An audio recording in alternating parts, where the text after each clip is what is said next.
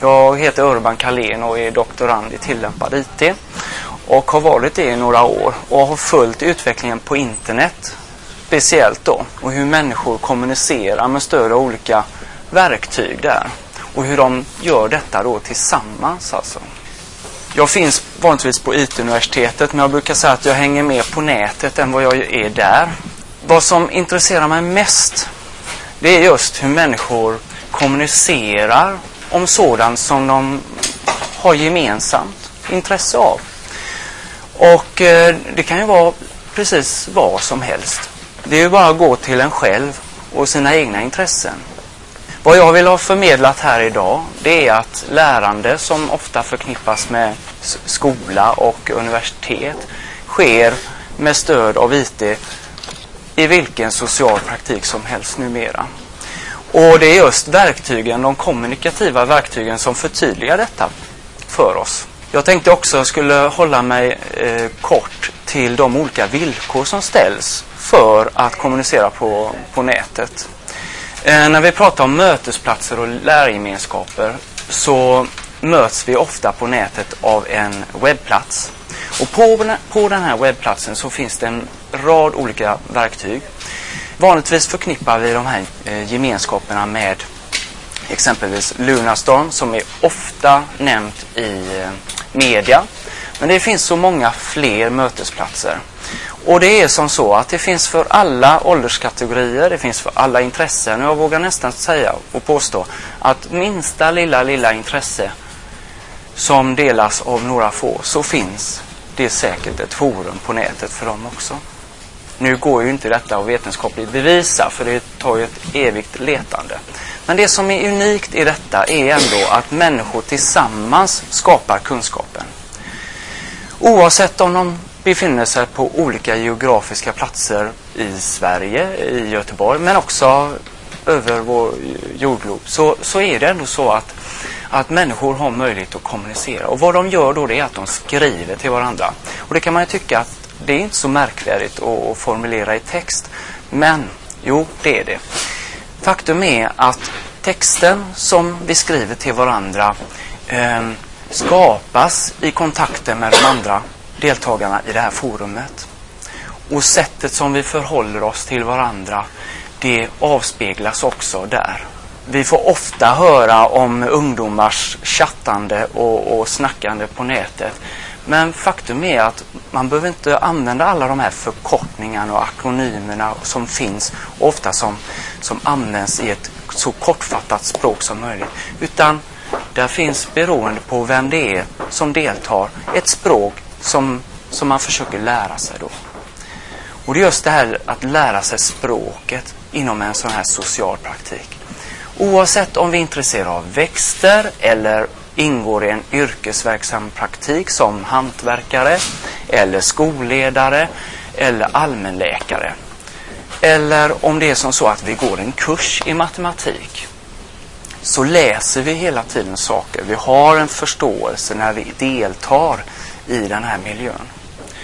Och då är det som så att de här verktygen på ett sätt bestämmer hur och vilka villkor vi kan kommunicera med de här andra deltagarna. Då. Och då är det så att man delar in dem i två olika eh, eh former kan man kalla det. Det är asynkrona former som ofta förknippas med mail, e-post, eh, diskussionslistor. Alltså där man kan göra sitt inlägg när det passar en själv i form av den konversationen som sker då på nätet. För de postas i den ordning som de kommer in. Sen finns det de sådana trådade forum där man också kan placera sitt inlägg och sin idé i relation till den aspekt som diskuteras där på nätet. Och sen är det ju de här synkrona forumen då som är, består av chatt. Och där kan man vara precis eh, vad som helst. Men samtalet pågår samtidigt då alltså. Så att det, det är det som är skillnaden kan man säga. Och när man pratar om lärande så lär alltså människor, de lär ju sig inte enbart att hantera de här verktygen. Utan det pågår ju så mycket mer. Jag nämnde ju språket bland annat. Och just att försöka eh, tillsammans förhandla vad som gäller för den här gemenskapen. Det finns en hel del regler som man måste ta mm, och lära sig också. Och därför i anslutning till detta så uppstår en del konflikter faktiskt. Det är så att många som besöker en sån här mötesplats de eh, loggar in, de får sitt lösenord och de får möjlighet att skriva. Men det gör de inte. Och eh, de lämnar spår efter sig som de som chattar febrilt på det här nätet. De ser att det förekommer en massa aktiviteter, aktiviteter men det är ingen som, som tycker och tänker någonting av de här deltagarna. Och de kallas lurkers. Eh, jag pratade med, med en eh, som heter Vivian som var representant för Seniornet och hon kallar den här typen av fenomen för ubåtar. För den här typen av beteende gör att människor kommer aldrig upp på ytan så att säga. De håller sig där nere i skymundan. Och då kan man undra varför gör de det då?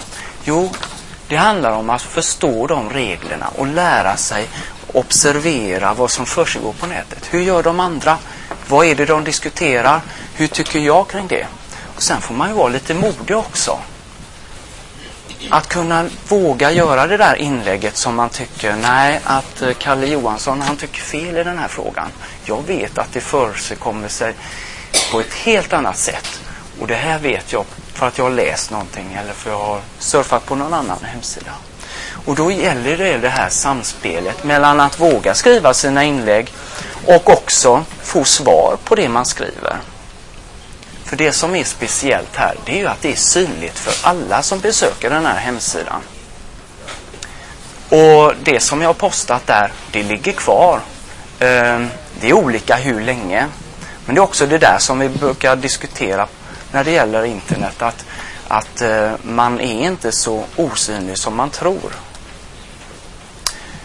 Så att då finns det olika sådana här, eh, ska jag kalla dem, eh, förhållningsregler som skapas av de tidigare medlemmarna i det här forumet. Och det kan vara allt ifrån eh, att man bestämmer hur aktiv man ska vara eller hur man ska bete sig. Att, eh, att vi diskuterar bara en fråga i taget exempelvis för att strukturera de här aktiviteterna som pågår. Och det är ett sätt som man måste förhålla sig till. För att annars blir det väldigt rörigt. Om man ställer fem stycken intressanta frågor på en gång så blir det svårt att organisera det här tillsammans. Ofta glömmer man någon fråga och så tycker den som har postat de här fem frågorna att ja, minsann det var bara en fråga som var intressant om mina. Och så går man och gruvar på sig och tänker att ja, det kanske inte var så intressant det jag skrev i alla fall. Men det är också det här att vi har ju olika sociala villkor när, när vi möts. Eh, idag när vi sitter här så kan ni tolka mitt kroppsspråk och ni kan se mina gester och, och, ni kan höra min röst. Och om det är som så att den darrar lite så kanske jag är lite nervös för att komma utanför akademin. Det vet jag inte. Va? Men eh, på nätet så förhåller det sig på ett helt annat sätt. Och då försöker man förstärka de här signalerna i form av leenden, skratt, eh, olika kommentarer, beteendemönster genom att forma det i texter. Och då är det som så här att då kan man faktiskt skriva mellan två stjärnor, ler till exempel, så vet mottagaren om att den där kommentaren som jag fällde, den ska läsas med ett leende och med kanske en glimt i ögat. Så då behöver man inte kanske ta det så fullt allvar. Och då kan man ju tänka så här. Det finns ju mängder med saker som vi måste lära oss. Eh, inte bara kring det gemensamma ämnet som vi har när vi deltar på nätet. Utan det handlar ju också om förhållningsregler och, och den kunskap vi har om området i sig. Om det är så att använda dator eller om det är så att det handlar om att att vara kunnig inom växter eller diskutera fotbollen på Ullevi så har vi alltid en, en förståelse för det vi, vi, vi, ehm, vi är med om, även på nätet. Så när vi pratar om att de aktiviteterna som skulle ske på nätet är mindre verkliga än det som vi har här så får jag faktiskt säga att det är något fel. Eh, vad jag tänker på är att det är olika villkor som vi interagerar med. Eh, de här mötesplatserna finns i mängder på nätet. Ofta diskuterar man de här datingsajterna där man på något sätt har för syfte att träffa kanske någon att resa med eller dejta med, gå på bio med tillsammans. Och mötet här är också ett sätt att förhålla sig till. Jag minns själv när, när jag eh, sprang runt på skolgården med boken Mina vänner och lät mina kompisar fylla i om deras favoriträtter och liknande. Det är precis det som sker på nätet.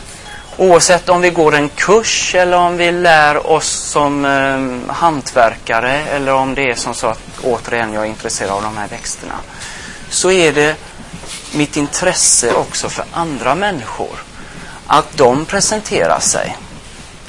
Och det är också det som gör att konflikterna blir färre. För det är också en vanföreställning att vi tror att bara för att vi har en gemenskap, en gemenskap så ska det vara frid och fröjd. Så är det inte. Det pågår massvis med konflikter. Och yngre är inte eh, sämre än äldre. Men det finns ju också glädjeämnen, exempelvis människor med social fobi eh, som på fullaste allvar använder det här mediet för att stötta varandra i sin kontakt med omvärlden. Om de så ska göra ett besök på Wettergrens eller om de så ska eh, bara gå ner och handla. Så det jag vill ha sagt med det här att människor skapar mening med sina aktiviteter. Oavsett om det är att sitta och lyssna på mig här idag eller om det är som så att vi, vi eh, kommunicerar om gemensamma intressen på nätet. Och eh, vi pratar ofta om det livslånga lärandet som en, ett, ett retoriskt grepp för att tala om att det lärande som sker idag sker mycket med IT. Vi eh, är vana vid att gå på kurser och liknande. Men för att komma in i det här gemenskapen på nätet så krävs det ju faktiskt att vi deltar. Mycket har talats om Lunarstorm och, och liknande eh, ungdomssajter där media beskriver det till en viss del som komplicerat och där många eh, tråkiga saker och incidenter händer. Men samtidigt måste vi också vara medvetna, medvetna om att det är en avspegling av det som sker i, i, i vår, våra andra sociala praktiker. I familjen eller om det är med våra vänner eller med, med våra ovänner också för den delen. Så är det många glädjeämnen men det är också många tråkiga saker som händer. Men det får inte hindra oss från att möta andra människor. För det är ju så sätt vi bygger upp kunskapen. Med stöd av olika verktyg. Oavsett om det är med IT eller om det är som så att vi skriver med penna och papper. Så fyller det alltid en funktion i det mötet som vi, vi kontaktar varandra med. Och mitt forskningsintresse, där försöker jag då fokusera på vad det är för kunskap som yrkesverksamma skapar genom att delta i den här typen av forum. Och då har jag nämnt några redan. Ehm, problemet där det är att, att det finns sån förhoppning om att det ska krylla med aktiviteter i det här forumet. Och det gör det ju sällan. Det räcker alltså inte med att öppna ett forum och tro att det ska vara en massa människor. Utan det är ju människorna i sig, sina möten, som skapar den här gemenskapen. Så därför kan det vara lite knepigt att kalla de här communities, som de ofta benämns då. Eftersom gemenskapen består ju av människornas relationer i, i deras möten och inte en, en, eh, ett kommunikativt verktyg. Eh, det finns en mängd olika aspekter att diskutera kring detta. Och jag är ju inte ensam på IT-universitetet om detta. Utan jag är ju en doktorand och sen är det många disputerade också som är också intresserade av liknande frågor. Ofta när vi talar om IT så tänker vi som att vi måste skapa någonting. Det ska programmeras och det ska vara, var minsann eh, genomtänkt och så här. Och, och, och det senare ska det väl förhoppningsvis vara. Men det är idag väldigt lätt, relativt lätt, att skapa sin egen community tillsammans med de kamrater och vänner som man har. Om det är som så att man använder exempel en mailinglista där man har möjlighet att skicka ett och samma mail till flera personer som man vet är intresserade av detta. Sen när de svarar så kan de svara alla på den här listan. Och då får alla som finns med på den här listan möjlighet att kommunicera och diskutera den här specifika frågan. Det kan gälla att man bestämmer träff inför nästa möte eller det kan vara att man diskuterar något man såg på tv häromsist. Vi har i alla fall skrivit tre olika böcker, en trilogi om detta. Och eh, den första boken är blå, den ger er en introduktion om hur de här skapas, de här mötesplatserna. Sen har vi utifrån en rad vetenskapliga perspektiv skapat en röd bok som belyser andra aspekter, hur de här uppkommer och eh, hur de på något sätt utvecklas över tid. Och den har vi döpt till att förstå lärgemenskaper och mötesplatser på nätet. Och den sista boken då, som jag vill slå ett slag för, det, den heter Skapa lärgemenskaper och mötesplatser på nätet. Och de är tänkta då att komplettera varandra. Men den här tar också upp och presenterar en mängd mötesplatser som jag tror ni kommer känna igen. Och eh, då tänker jag också på mötesplatsen. Jag har nämnt Lunarstorm, mötesplatsen.se och även allt för föräldrar för blivande föräldrar som träffas på nätet och diskuterar hur det är att bli förälder. Papparoller och liknande eh, möjligheter för andra aktörer att medverka i det forumet också. Men också seniornätet finns med där. Då har vi intervjuat de företrädarna.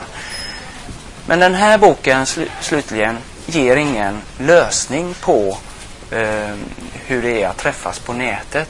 Utan den är till att trigga tanken att det inte är den bakomliggande tekniken i sig som är det centrala här. Utan det centrala är att man känner människor som kan hjälpa en att skapa sin lärgemenskap på nätet. För det är så det livslånga lärandet till mångt och mycket handlar om. Att delta i eh, praktiker där IT är användbart. Eller icke, jag vet inte. Det är mycket fördelar och mycket nackdelar med nätet. Men jag hoppas ändå att ni kan förstå eh, att det, det finns en hel del mötesplatser som tillsammans skapar kunskaper. Och med de orden så vill jag avsluta.